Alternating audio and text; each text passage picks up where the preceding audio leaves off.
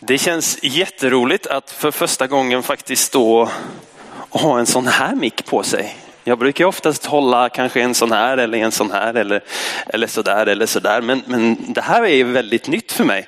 Eh, Jessica, tack så jättemycket för det förtroendet att få predika här idag.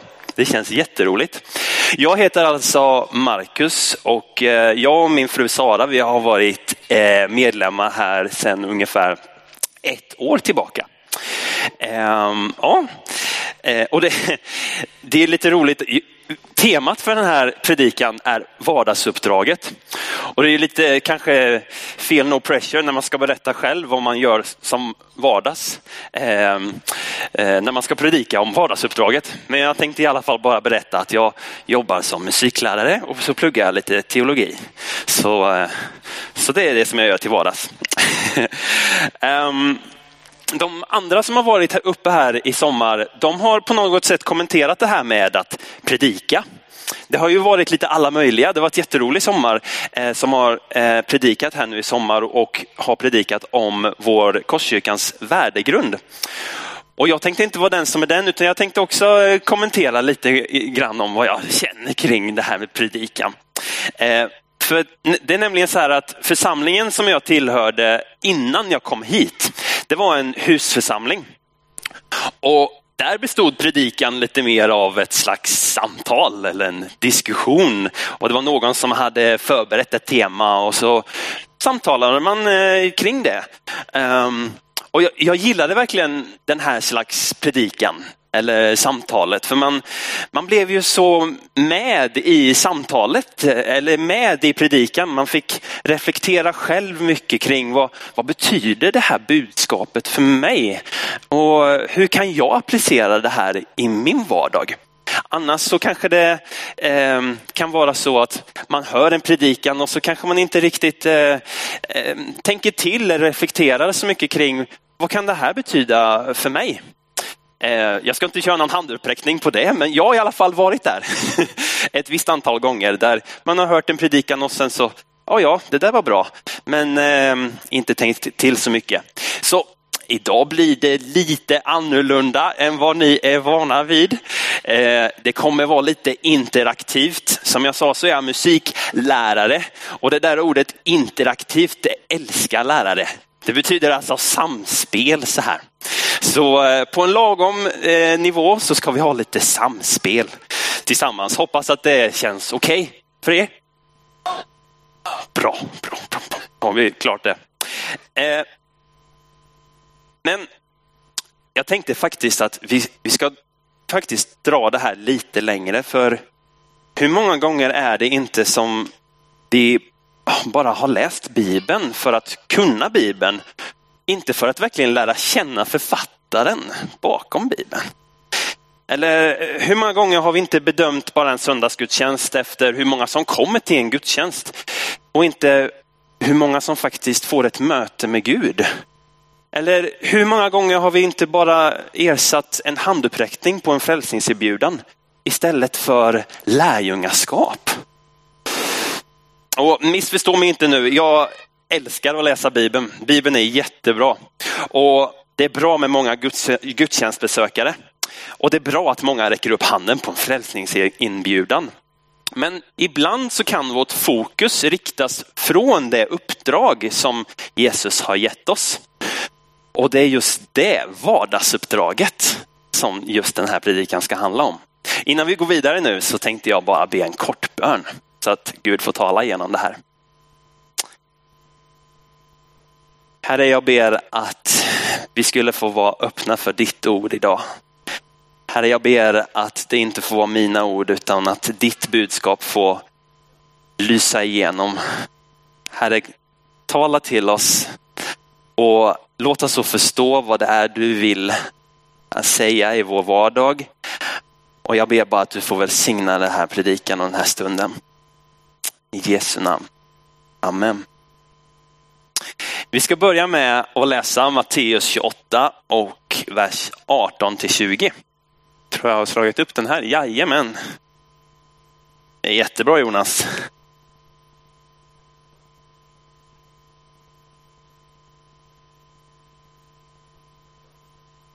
där står det så här. Jag har fått all makt i himlen och på jorden. Gå därför ut och gör alla folk till lärjungar. Döp dem i Faderns och Sonens och den helige Andens namn och lär dem att hålla allt vad jag har befallt er. Och se, jag är med er alla dagar in till tidens slut. En eh, parafras av den här grekiska originaltexten skulle kunna låta ungefär så här. Mitt i er vardag ska ni göra lärjungar av människor från alla folk och döpa dem i vatten och i Faderns och Sonens och den helige Andens namn. Det vill säga fullheten av Guds väsen. Och undervisa dem så att de kan följa, alltså hålla fast vid och göra allt som jag har befallt eller instruerat er att göra. Temat är alltså vardagsuppdraget och det står också så här på Korskyrkans eh, hemsida där värde, värdegrunden står. Växande lärjungar som gör växande lärjungar gör andra till Jesusföljare med hela evangeliet till hela människan hela tiden. Och det här är en jättestor värdering. Och jag, jag ska försöka att banta ner den här lite i den här predikan. Och mitt syfte med, med den här predikan det, det är att vi ska försöka förstå vad det innebär att vara en lärjunge. Och hur gör vi andra lärjungar? Eh, och innan vi går vidare så tänkte jag att ni skulle få samtala två och två kring den här frågan. Eh, tror ni att det kan finnas någon skillnad i att kalla sig kristen och lärjunge? Alltså tror ni det kan finnas någon skillnad i att men jag är kristen eller säga men jag är lärjunge?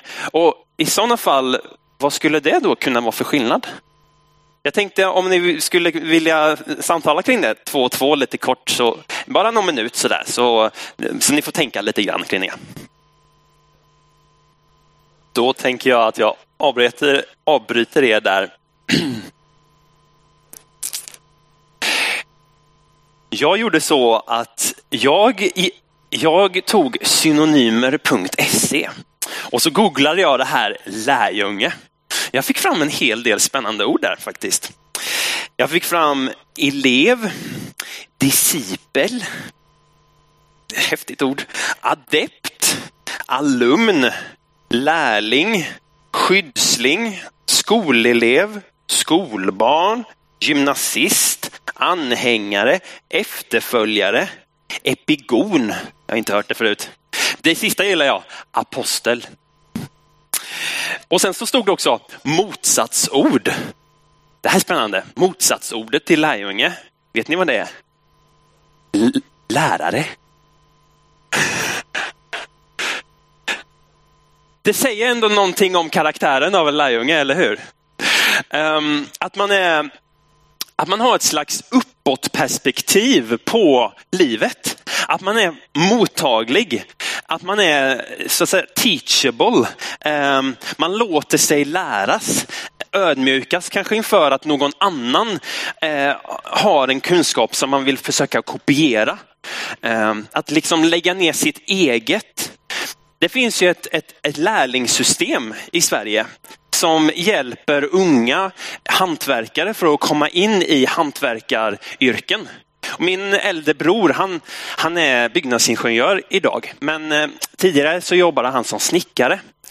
Och innan han kunde bli snickare så fick han genomgå 6800 timmar som lärling då han gick, gick på en slags subventionerad lön och han gick jämte en snickare som verkligen visste vad det var att vara snickare. Och efter de här 6800 timmarna, då blev han en riktig snickare själv.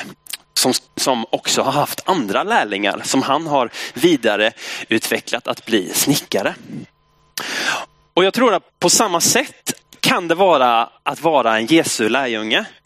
Eh, allt kan liksom inte läras ut genom teorin. Ni som, ni som kanske tycker att jag förstår inte den där predikan. Det är lugnt. Det är inte så här man blir en lärjunge i alla fall och lyssnar på mig. Utan det är att vi måste ha mycket körtid med Gud. Vi måste få vara med Gud. Och Ja, men, ja, hur, hur fungerar det där nu då? Kanske någon sitter och tänker. Ja, men då ska vi se på ett bibelord eh, hur det här kan se ut. Och då ska vi slå upp Johannes 1, 35 till 42. Där står det så här. Nästa dag stod Johannes där igen med två av sina lärjungar. När han såg Jesus komma sa han, se Guds lam. De båda lärjungarna hörde vad han sa och följde Jesus. Jesus vände sig om och när han såg att de följde honom frågade han dem vad de ville. De svarade, Rabbi, det, det betyder lärare, var bor du? Han sa till dem, kom och se. Då gick de med honom och såg var han bodde och stannade hos honom den dagen. Det var omkring tionde timmen.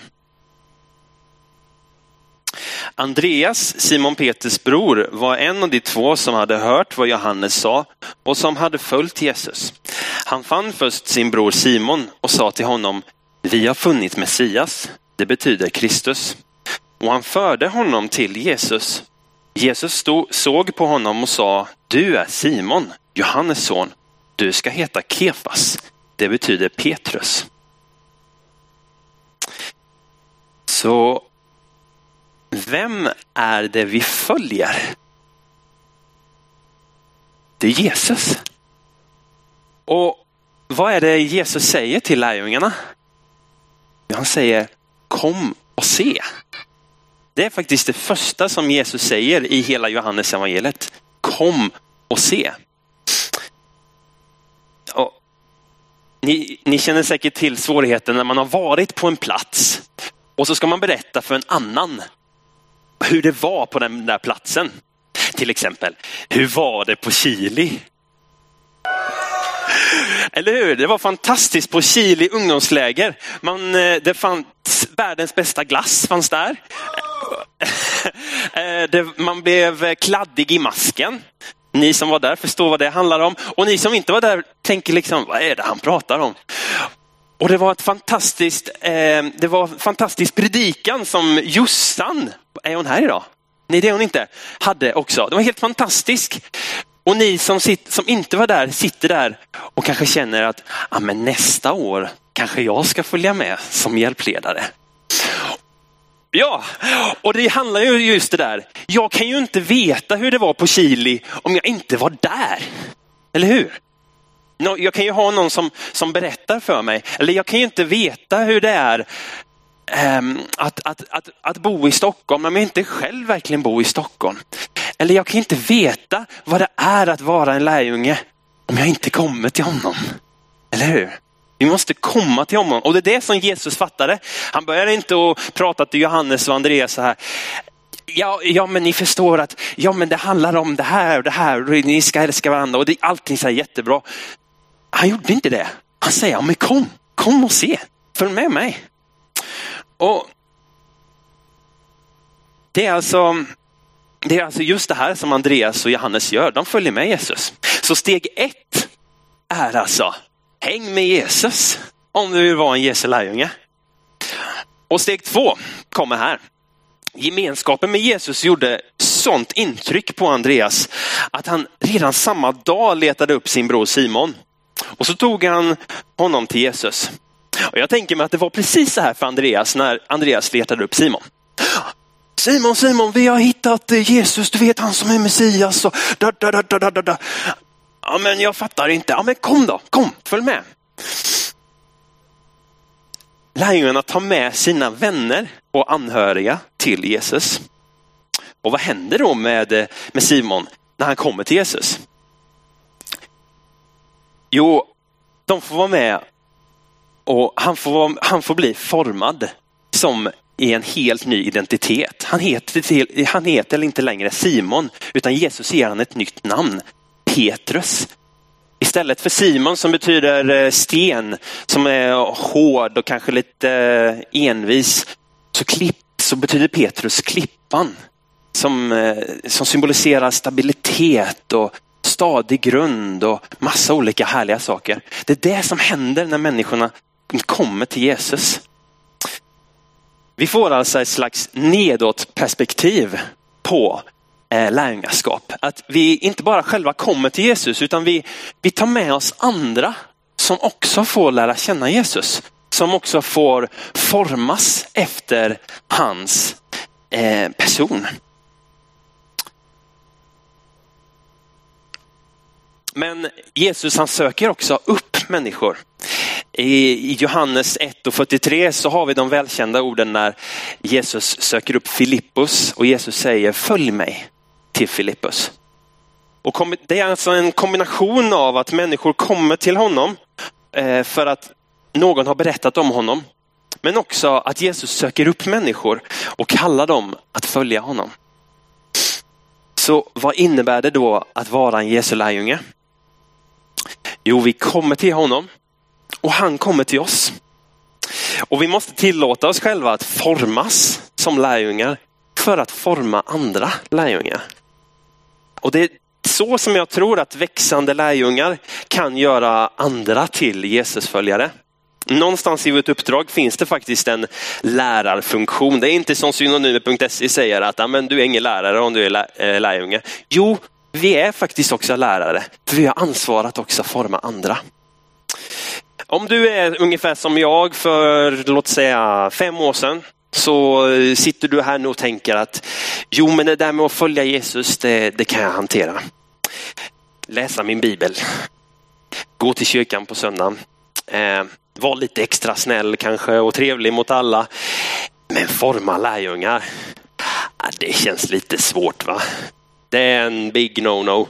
Jag är inte så kvalificerad för sånt heller. Jag har ju inte som Jessica har ju pastorskandidatutbildning eller som Jason Kung kanske också har det. Och, eh, de är ju proffs på det de gör och Rickard, eh, ja, vad ska de säga om jag ställer mig här och predikar? Och, ja, man vet ju aldrig om de kommer tycka det är tillräckligt bra i alla fall. Nej, det är nog bättre att jag går ner och sätter mig, dricker mitt kaffe. Det känns tryggt. Ja, i alla fall, det var så här verkligen som jag tänkte för ungefär fem år sedan. Jag var väldigt, väldigt rädd att gå ut och just det här missionera och hur man tänker sig att man kanske delar med sig av budskapet. Och jag ska berätta en liten berättelse från mitt eget liv. Um, det, det, var nämligen så att jag för ungefär fem år sedan gick en lärjungaskola genom UMU. Och den var placerad i Indien. Jag skulle åka till Indien och vara där sex månader. Och under fyra månader så skulle det vara undervisning. Och jag såg jättemycket fram emot den här undervisningen. Det var helt fantastiskt. Tänka få lära känna Gud ännu mer, ännu mer. Men sen var det två månader som det var outreach. Alltså missionsresa kan man säga. Och det var ju pest och pina här inne för mig. Jag såg verkligen inte fram emot det här. Outreach, jag, mission, missionär, nej, det är inte jag. Ja, jag var jätterädd för det där i alla fall. Men när jag ser tillbaka på det där idag så var det faktiskt de där två månaderna i mitt liv som verkligen förvandlade mig. För jag insåg att Gud ville använda mig. Att Gud kunde göra fantastiska saker om jag bara tog ett steg i tro så hände fantastiska saker. Kom till mig efteråt så har jag massa vittnesbörd att berätta om vad som hände då. Men jag förstod verkligen att amen, han vill verkligen, eh, det spelar ingen roll om jag inte har studerat så mycket. Det spelar ingen roll om jag inte förstår alltihopa. Han vill använda mig där jag är just nu.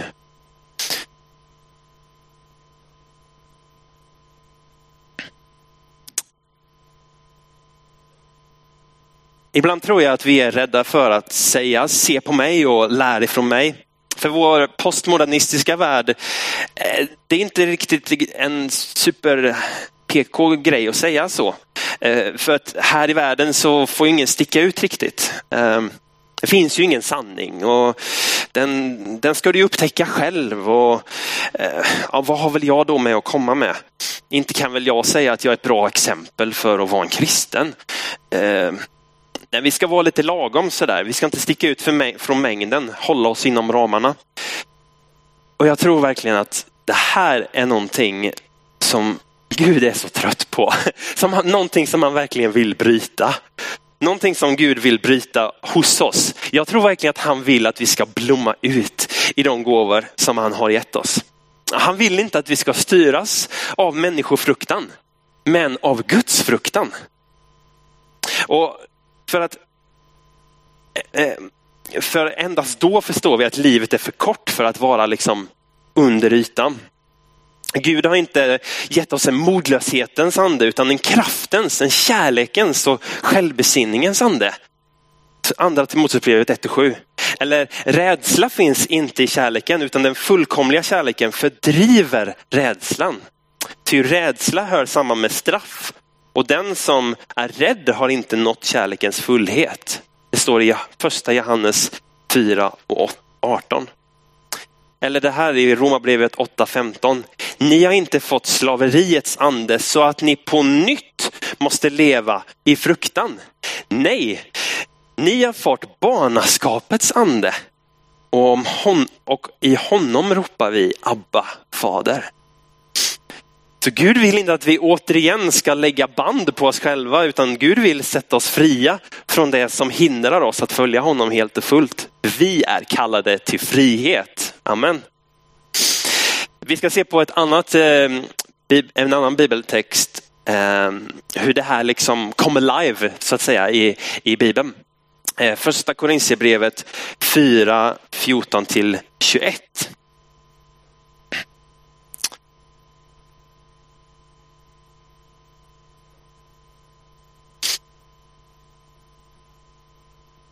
Där står det så här. Jag skriver inte detta för att få, få er att skämmas. Alltså Paulus är det som skriver det här.